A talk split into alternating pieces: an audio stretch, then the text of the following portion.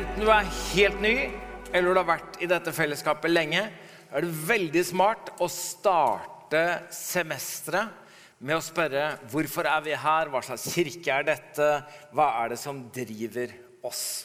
Eh, derfor starter vi denne høsten med en taleserie på tre søndager om evangeliet, om eh, praksiser og om eh, erfaringer. Jeg var jo pastor her også på 90-tallet. Noen lurer på hvem er du Da pleier jeg å si at jeg var barndomskamerat med Barat. Blant de overlevende. Og da stilte vi oss akkurat disse spørsmålene. Hvorfor er vi her? Hva slags kirke vil vi bygge? For vi ønsket virkelig å bygge en sunn kirke som preger og former sunne kristne. Og da vet vi at sunnhet handler om balanse. At det ikke er én greie som blir sterkt, og alt blir svakt, men at vi styrker alle områdene. Og Da kommer vi fram til seks hensikter. Tilbedelse, tjeneste, fellesskap, eh, disippelskap, evangelisering og misjon. Og det var liksom ikke sånn å, da hadde vi en smart periode. Men at vi så mange år etterpå eh, fortsatt måler oss mot det samme, planlegger ut ifra det samme, og at det påvirker de valgene i så stor grad som vi gjør. Det betyr at jeg alle disse årene har vært med i en stabil kirke som ikke har liksom svingt hit og dit hele tiden, men at det handler om sunnhet og stabilitet. Det fant vi. Så hadde vi behov etter hvert for å spisse det ved å si hva er det som er viktigst blant det viktigste. Hvordan kan vi liksom få det til å bli en spiss? Og da sa vi det handler om å lede mennesker som enda ikke tror, til helhjertet etterfølgelse av Jesus Kristus. Og da er jo spørsmålet, ja, men Hvordan blir folk helhjerta etterfølgere av Jesus Kristus? Altså disippelgjøring. Da syns vi at dette er et godt verktøy eller en slags god modell for å synliggjøre det vi da tenker. At det finnes praksiser. Og praksiser det er en slags motgift mot individualisering og, og kundementaliteten som veldig fort sekulariserer oss. Men det som er sant, det er at vi blir det vi gjør over tid. Så vi har noen kjernepraksiser som vi virkelig prøver å hjelpe oss inn i, for vi vet at det former og preger livet vårt. Erfaringene er at vi tror på en levende Gud som er til stede i våre liv, handler i oss, med oss og gjennom oss. Og det er våre erfaringer i livet med Jesus. Det tar vi også en søndag. Og det som da er mitt tema i dag, det er evangeliet om Jesus Kristus, som er selve grunnen, eller grunnvollen, eller grunnplanken i kirkelivet og i kristenlivet. Apostelen Paulus sier veldig tydelig ingen kan legge en annen grunnvoll enn den som alt er lagt, og det er Jesus Kristus. Det er det vi bygger kirke, det er det vi bygger hele vårt kristne liv på. Så det handler altså i dag om evangeliet. Jeg kjenner jo når jeg sier grunnvoll, grunnmur, grunnplanke, at selvfølgelig er noe urokkelig, det er noe fast, det er noe solid. Samtidig så kjenner jeg i selve metaforen er borti noe som er litt dødt. Det er liksom bare hardt. Det er bare solid. Så jeg elsker å koble det med andre bilder som også brukes. F.eks. som en rot som alt vokser opp ifra. Eller som en kilde som alt livet strømmer ut ifra. Eller som et hjerte i Kristi kropp. Så bruk gjerne flere bilder, men bildene handler altså om at det er det alt bygger på, og alt kommer ut ifra. Paulus bruker jo flere bilder og sier dere har tatt imot Kristus Jesus som Herre. Lev da i ham. Vær rotfestet i ham og bygd på ham. Hold fast ved den tro dere har opplært i, med overstrømmende takk til Gud. Dette handler jo om noe som Paulus bruker veldig ofte. I Kristus, i ham. For han prøver å virkelig få inn at vi får en identitet i hvem vi er i Jesus Kristus. Veldig mange tenker jo at identitet handler om nasjonalitet eller etnisitet. Om kjønn eller om seksualitet. Men den dypeste identiteten vår ligger i hvem vi er i Kristus. Og det er der du må se deg selv hvem er jeg i Kristus? Altså at min dypeste identitet er å være Guds barn. Og Derfor bygger vi ikke vårt kristne liv på våre praksiser, selv om praksisene er gode, med gudstjeneste og bønn og bibel og fellesskap. Og heller ikke på våre erfaringer og opplevelser med Gud. Men vi bygger vår kristne identitet på et fundament på hvem vi er i Kristus Jesus, altså i selve evangeliet. Jeg var ganske ung og jeg har vokst opp som pinsevenn og er pinsekarismatiker, som har lagt stor vekt nettopp på de åndelige erfaringene og opplevelsene. Det er jo kjempestort når det funker, og så gjør det det veldig ustabilt i perioder hvor du ikke syns at du erfarer og opplever det som du tror på. Da fikk jeg hjelp til å rydde litt opp i tankegangen og i hodet mitt med å prøve å skille mellom hva som er evangeliet, og hva som er erfaringer og praksiser. Og Det betyr at jeg skiller mellom hvem Kristus er for meg, og hvordan Kristus har tatt bolig i meg og former meg. Min stilling i hvem jeg er. ikke sant? Sånn, sånn, jeg er uh, barn av mor og far, så det ikke sånn at jeg kan tenke ja, hvordan kan jeg bli mer barn? Eller bedre. Ja, bedre kunne jeg bli, men mer barn. Det er noe med at det er noe som er gitt deg. Uh, det er min stilling. Men min tilstand det handler om min subjektive erfaring og mitt liv. Hva som er tilregnet meg, og hva jeg tilegner meg. Hva som er rettferdiggjort, det skjedde på korset. Og helliggjørelsen er Kristuslikheten som vokser fram. Så det er en pågående prosess. Tilgivelse fra synden fikk jeg når Jesus døde på korset. Men det å bli utfridd som synder, hvor jeg slipper å holde på å gjøre det samme hele tiden, det handler jo da om utfrielse for synderen. Så det å rydde opp i det subjektive og det objektive og bygge ditt liv på det som er evangeliet, som er gitt deg objektivt, det kan hjelpe deg til å få et mer stabilt kristenliv, og vi får et mer stabil tro på Jesus Kristus. Amen. Vi behøver altså ikke å velge mellom det ene og det andre, men vi bygger på det objektive evangeliet om Jesus Kristus. Martin Luther sa det smart. Vi skal bli hvem vi allerede er. Og vi skal få det vi allerede har. Altså, vi skal tilegne oss det Gud allerede har tilregnet oss. Evangelium det er den latinske formen av det greske evangelion, som betyr godt budskap, eller på kort norsk godt nytt. Og Siden vi i Norge har hatt evangeliet i 1000 år, så er det jo ikke akkurat en slags nyhet. Snarere tvert imot virker det som gammelt nytt. Og det kan høres litt sånn ut også. I dag skal jeg tale om evangeliet. Ja, det har jeg hørt før. Ja, jeg tror jeg kan det, faktisk. Evangeliet er ikke det for nybegynnere. Så det er liksom Halleluja! Hva blir det? Derfor er det en utfordring å få godt nytt til å høres nytt ut. Det betyr at du kan ha nyhetens begeistring selv om du har hørt det før. Og jeg har tenkt Tenk deg en helt utenkelig tanke at du har tatt opp store lån.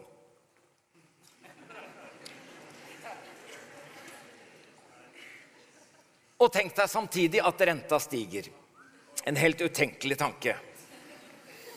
Og at du på et forferdelig tidspunkt oppdager at det er umulig å betjene dette eller disse lånene, selv om du jobber dobbelt. Til og med om du skulle klare å jobbe trippel. Du vet at en personlig konkurs den er uunngåelig. Men på en veldig mørk dag banker det på døra. Det er en mann som står der, og så presenterer han seg som Tarjei Strøm. Og Så sier han at han er programleder for et program på NRK som heter Ukjent arving. Han sier at de lenge har prøvd å finne ut hvem du er, og hvor du bor. Og så sier han, 'Endelig har vi funnet deg.' For du har en ukjent slektning som døde for lenge siden.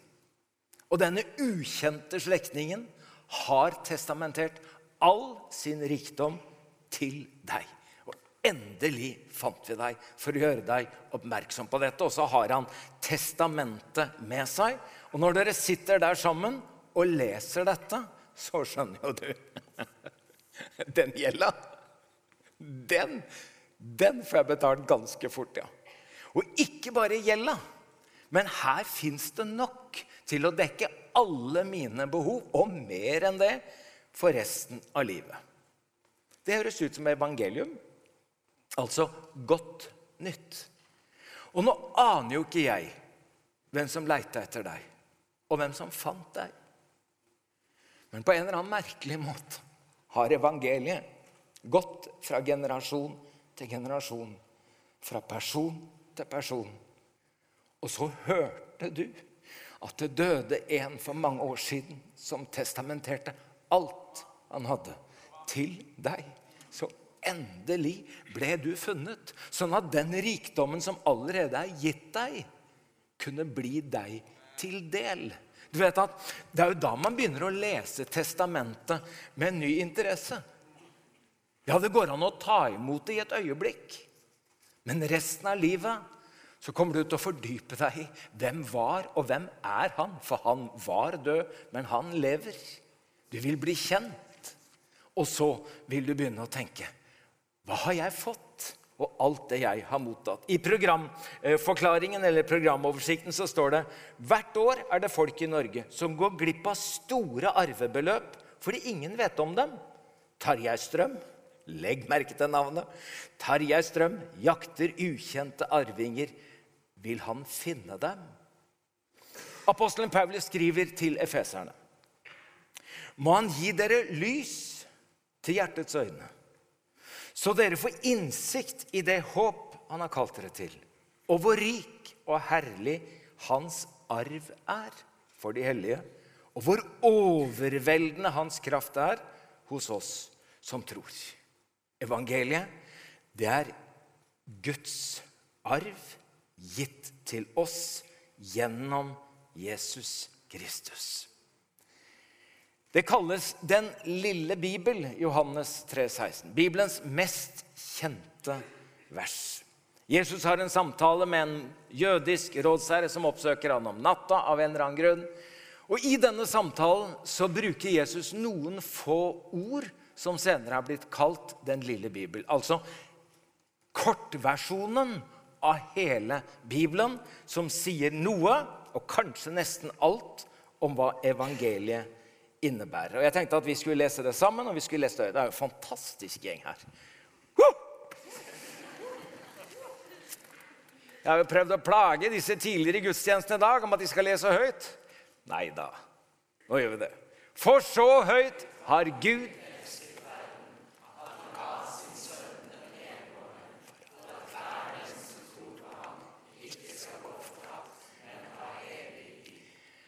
Amen.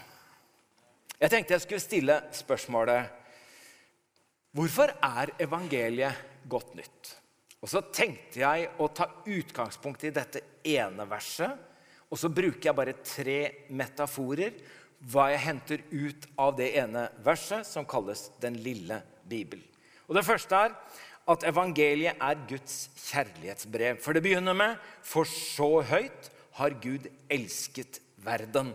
Så vet du at jeg snakket til en forsamling som ikke helt vet hva kjærlighetsbrev er. Altså, Jeg mener du har sikkert fått en SMS eller mail, eller sånt, men jeg er så gammel at vi, vi brukte papyrus. Ja, ja. Og det er ikke bare ett, men de er mange. Jeg bodde et halvt år i Karasjok. Eh, du skulle bare sett de brevene som jeg fikk fra Turia. Altså, vi ble kjærester når hun var 14 og jeg 15. Eh, dette er når hun er på Hedmarktoppen og jeg går konditor, eh, lærer i konditorfaget. Og det er bare sånn altså, Tenk deg bare å få sånne brev. Og det er, altså, på flere av de står det på baksida 'Skynd deg, postmann'. Tur, eh, 'Skynd deg, postmann. Egil venter'. Og det er bare... Det er liksom Når du får et sånt brev, så bare kjenner du det,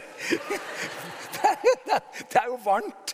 Det er varmt bare å holde i det, liksom. Det er ikke sånn at jeg lurer på Gidder jeg å lese dette, eller? Nei. Nei, sånn at kjærlighet, og så er det klart at Dette kunne vært et hyggelig minne om en kjæreste jeg hadde for mange år siden. Men, men når de kjærlighetserklæringene er fulgt opp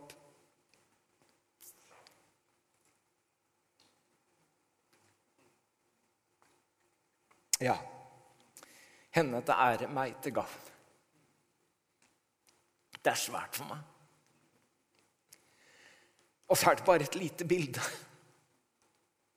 på hva evangeliet om Jesus Kristus er. For det begynner jo ikke med oss. Det begynner jo med Gud. Det begynner ikke med 'vi er' og hva vi har, men hvem Gud er, og hvem Gud er i forhold til oss. For så høyt har Gud elsket verden. Det høres selvfølgelig ut for oss som har hørt det mange ganger. Men mange steder i verden, i mange slags religioner, så har religionskritikerne altfor ofte rett. Religion er undertrykkende i sitt vesen.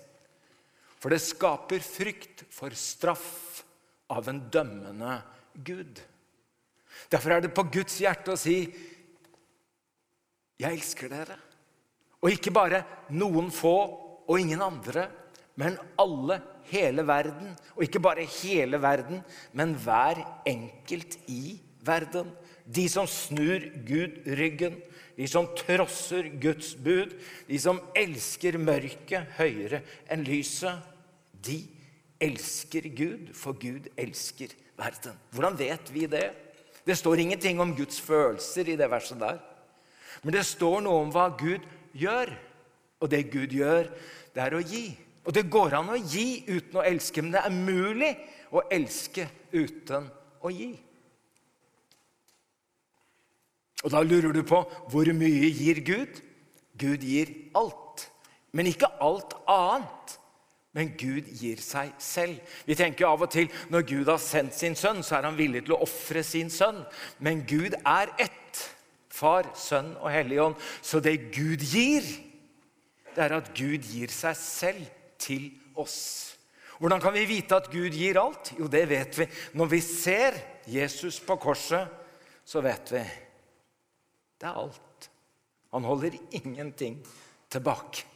Vet du hva det kalles? Det kalles grenseløs kjærlighet. Det er det Gud vil fortelle. For så høyt har Gud elsket verden, Guds kjærlighet. Men Gud viser sin kjærlighet. Ja, ved at Kristus døde for oss mens vi ennå var syndere. Hvorfor jeg trives bedre med å koble på rot hvor det vokser, kilde som det strømmer ut av, hjertet som er livet i alt, det er at evangeliet ikke bare er en bunnplanke som jeg en eller annen gang har bygd livet mitt på, og så ligger det der men som jeg hele tiden formes av og preges av. For det er et liv å leve. Og jeg vet at jeg er elsket av Gud. Jeg er elskverdig. Det betyr at jeg på min verste dag, i mine verste øyeblikk, vet at en som er min skaper og frelser, elsker meg. Og så gir det meg mykere øyne overfor alle andre. For Gud elsker samtidig verden, alle de andre, uansett hvem de er. Og kanskje jeg kan se også andre i større grad med Guds øyne ved hele tiden å preges av evangeliet, for evangeliet er Guds kjærlighetsbrev. Den andre metaforen det er at evangeliet er Guds fredspakt for at hver den som tror på ham, ikke skal gå fortapt. Altså, Evangeliet sier også noe om hvem vi er. Og uten Jesus Kristus er vi fortapt. I skapelsens morgen sa Gud til Adam og Eva at de kunne spise av alle trærne i haven, bortsett fra det som sto midt i haven, for det var tre til kunnskap om godt og vondt. Og hvis de spiste av det treet, ville de dø. Og døden var da ingen fysisk tilintetgjørelse, men at livsfellesskapet med Gud ble brutt gjennom fallet. Og som en følge av syndefallet så ble menneskene vist ut av fellesskapet med Gud, mistet fellesskapet med Gud, vist ut av Eden. Og så satte Gud serafer med eh, flammende sverd eh, eh, som skulle vokte inngangen til det tapte paradiset. Bildet av disse serafene med disse sverdene ble senere da vevet inn i det store forhenget i tempelet som skulle skille mellom mennesker og Gud, mellom den syndige og den hellige. Eh, det forhenget var 18 meter høyt, var 9 meter bredt, og så var det en knyttneve tjukt. Og de serafene skulle bare melde én ting her er det adgang forbudt for syndere. Derfor har religion til alle tider forsøkt å se om det er mulig å fjerne hindringene, bygge en vei, skape en bro fra menneske til Gud, fra synder til den hellige Gud. Det kom en religiøs, eh, rik eh, mann til Jesus og spurte hva skal jeg gjøre for å arve evig liv. Og Det spørsmålet stilte han ikke bare på vegne av seg selv. Han stilte det spørsmålet på vegne av milliarder av mennesker. Hva skal jeg gjøre? Hva kan jeg gjøre for å arve evig liv? Det spørsmålet ligger i alle. Jeg ble tilkalt på et dødsleie i Kristiansand. Jeg var pastor der. Eh, han var rik, han var kjent. Jeg hadde aldri møtt han, men jeg visste hvem han var. Nå lå han døende og var full av frykt for døden. Og så hadde han gjennom ja, ulike greier hørt meg på radio.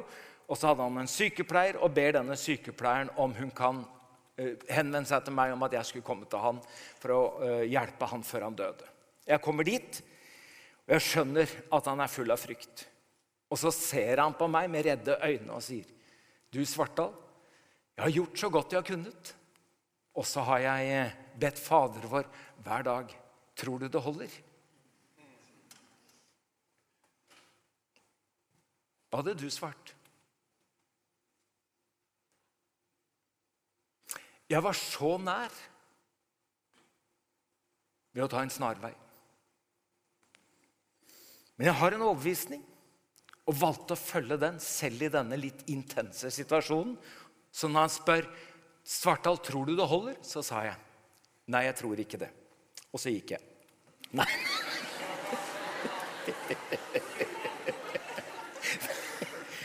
Er jeg pinsekarismatiker, så er jeg pinsekarismatiker.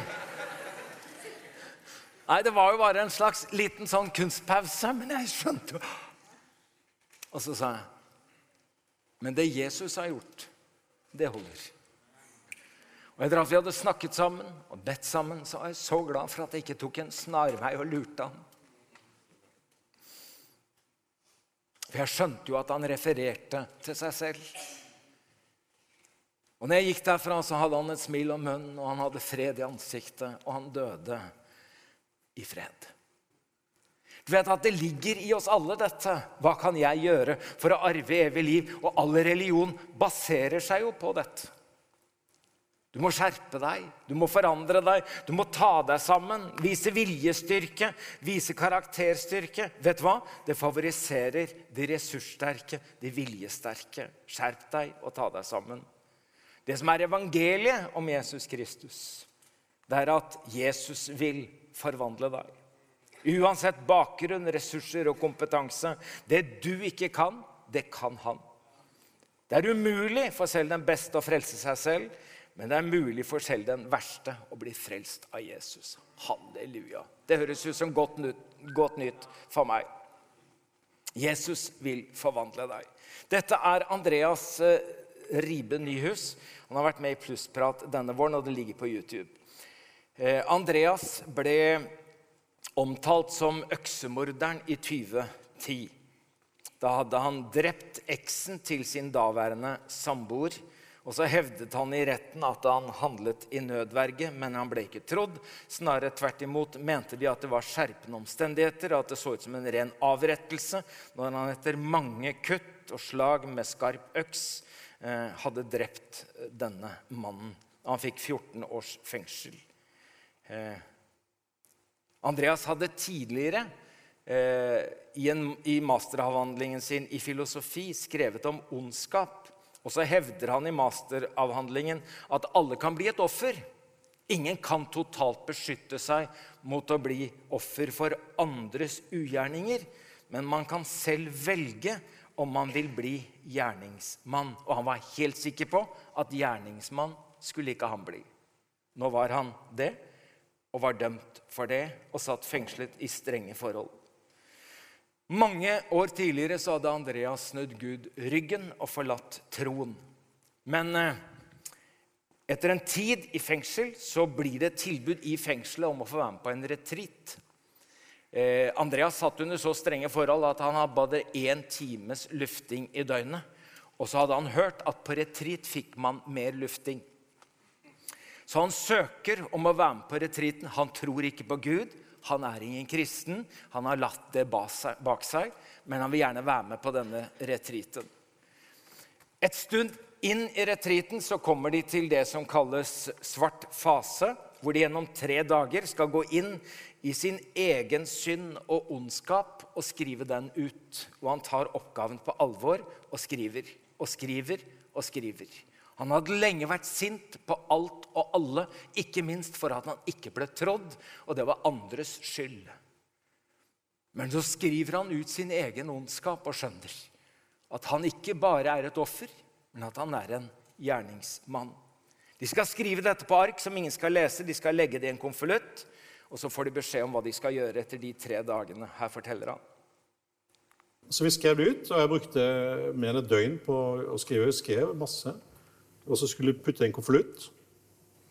Eh, av konvoluttene skulle vi henge på et kors. Så skulle vi gå ut i, sammen, alle sammen, ut i bak, eller denne luftegården. Og der skulle eh, konvoluttene eh, brennes. Tiden kommer og vi skal gjøre det, så blir vi stående litt og nøle alle sammen. Og så går en frem og spikrer opp til korset. og Nestemann til slutt så har alle hengt disse konvoluttene på det korset. Og alle er veldig sånn Nå er det alvor? Det er veldig alvor.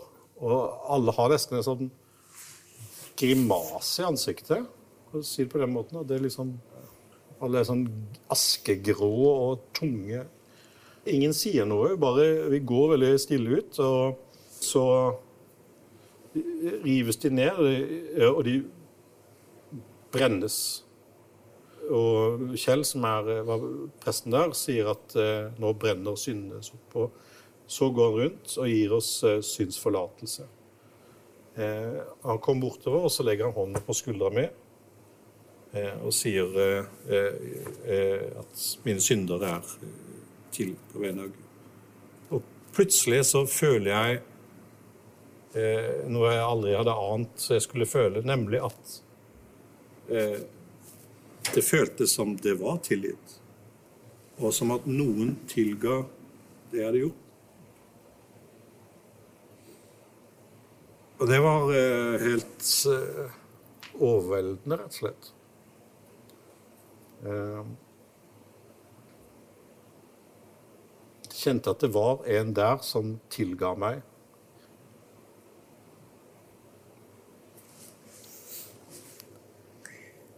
da hadde jeg ikke noe annet valg enn å begynne å tro på Gud igjen.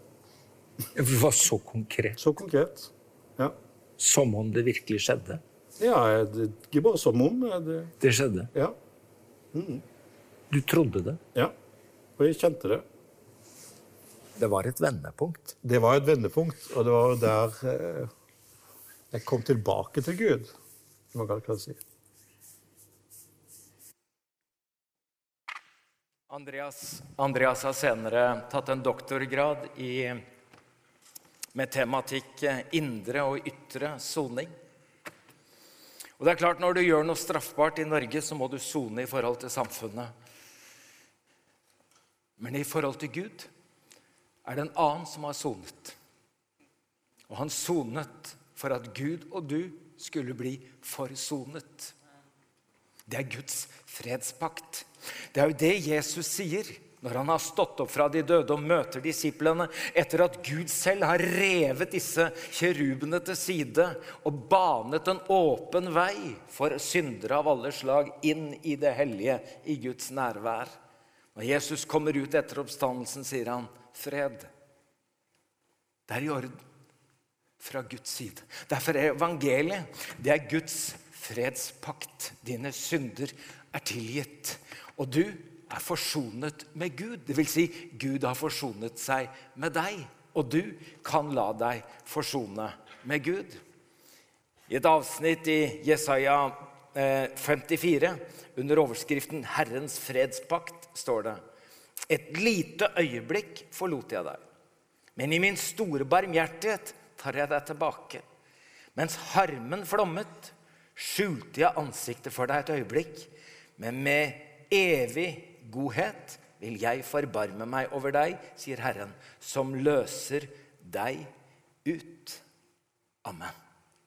Du vet, Når du hører dette evangeliet om denne pakten For den gamle pakt den var gjensidig, hvor vi ikke klarte å innfri våre forpliktelser. Vi klarte ikke å betale vår skyld, vår gjeld.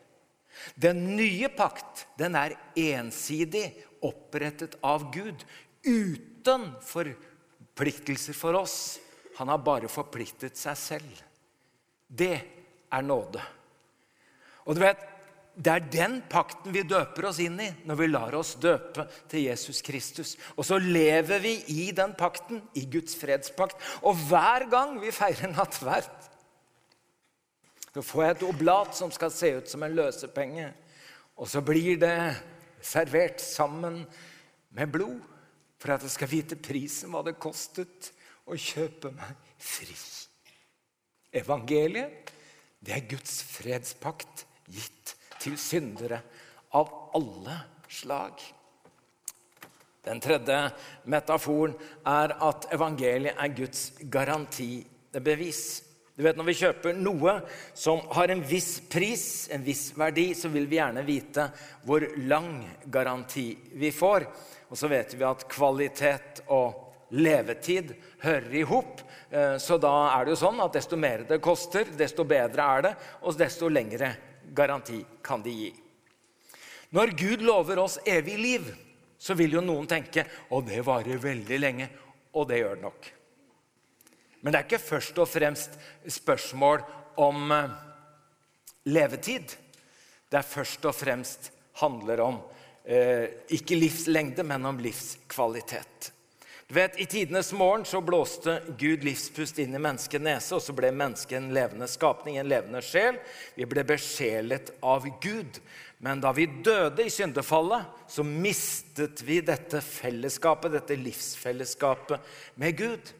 Men når Jesus møter disiplene sine etter korsfestelsen og oppstandelsen, så sier han fred, og så står det Så åndet han på dem og sa, ta imot Den hellige ånd.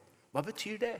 Jo, det er jo det som skjedde i skapelsens morgen, men som vi mistet. Men som nå skjer etter oppstandelsen, hvor Jesus har stått opp fra de døde. Han døde som den enbårne, men han oppsto som den førstefødte av mange søsken. Hva skjer nå? Da blir de levende i sin ånd. De får det evige liv. Hør her. Det evige livet det begynner ikke når vi dør. Nei, Det er ikke sånn at døden kan gi deg evig liv. Så bare du dør, så får du evig liv. Nei, nei, døden tar liv. Den som gir evig liv, det er Jesus Kristus. For han har stått opp fra de døde. Så det evige livet det begynner når du tar imot Jesus Kristus, og han gir deg sin ånd. Og den ånden i deg kan aldri dø. Den ånden lever i en kropp som har datomerking. Begynner å kjenne litt på det. Ja, det går nok ikke så lenge nå, Svartdal.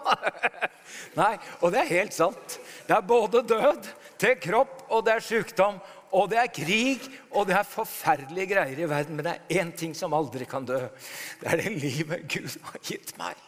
Og Det er jo ikke fordi at det skal vare så utrolig lenge, men fordi at det har så utrolig høy kvalitet at Gud har gitt meg et garantibevis for at den Hva er han sier for noe ved Lasarus' grav? Jeg er oppstandelsen og livet, sier han. Og den som tror på meg, skal leve om han enn dør. Og hver den som lever og tror på meg, skal aldri i evighet dø. Dette er personlig, men det er mye mer enn det. Det er globalt, det er universelt. Det betyr at det evige liv ikke bare omfavner sjeler og ånder. Nei, når vi leser oss igjennom Johannes' åpenbaring, så skjønner vi her er det mye som kommer, og det er mye som er, og det blir ikke bedre og bedre. Nei, det er ganske destruktiv og skremmende lesning. Framtidsutsiktene gjennom Johannes' åpenbaring er ganske nedstemmende. Bortsett fra at det er én som går igjennom hele Johannes' åpenbaring. En som rir på en hvit hest. Og det er han som en dag sitter på tronen. For himmelen er ikke noe tomrom. I himmelen er det en trone, og det sitter en på den tronen. Og han sier Hør her, folkens. Det er svært. Han skal tørke bort hver tår fra deres øyne. Og døden skal ikke være mer. Heller ikke sorg eller skrik eller smerte, for det som en gang var, er borte. Og Nå tenkte jeg at dere kunne få lese den siste setningen. Han som sitter på tronen, sa Jeg hørte ikke riktig. Hør her. Han har gitt deg en garanti for at når du har gitt ditt liv til han, ja, kan du bli syk. Ja, kan du oppleve død og krig. Men han som du har gitt ditt liv til, han sier, 'Jeg gjør alle ting nye'. Så evangeliet, det er Guds garantibevis for at du har det evige liv. Du har nå hørt en podkast fra Filadelfia-kirken i Oslo. Vil du vite mer om oss, gå inn på filadelfia.no. Og ikke minst velkommen til å feire gudstjenester med oss hver eneste søndag, enten fysisk eller online.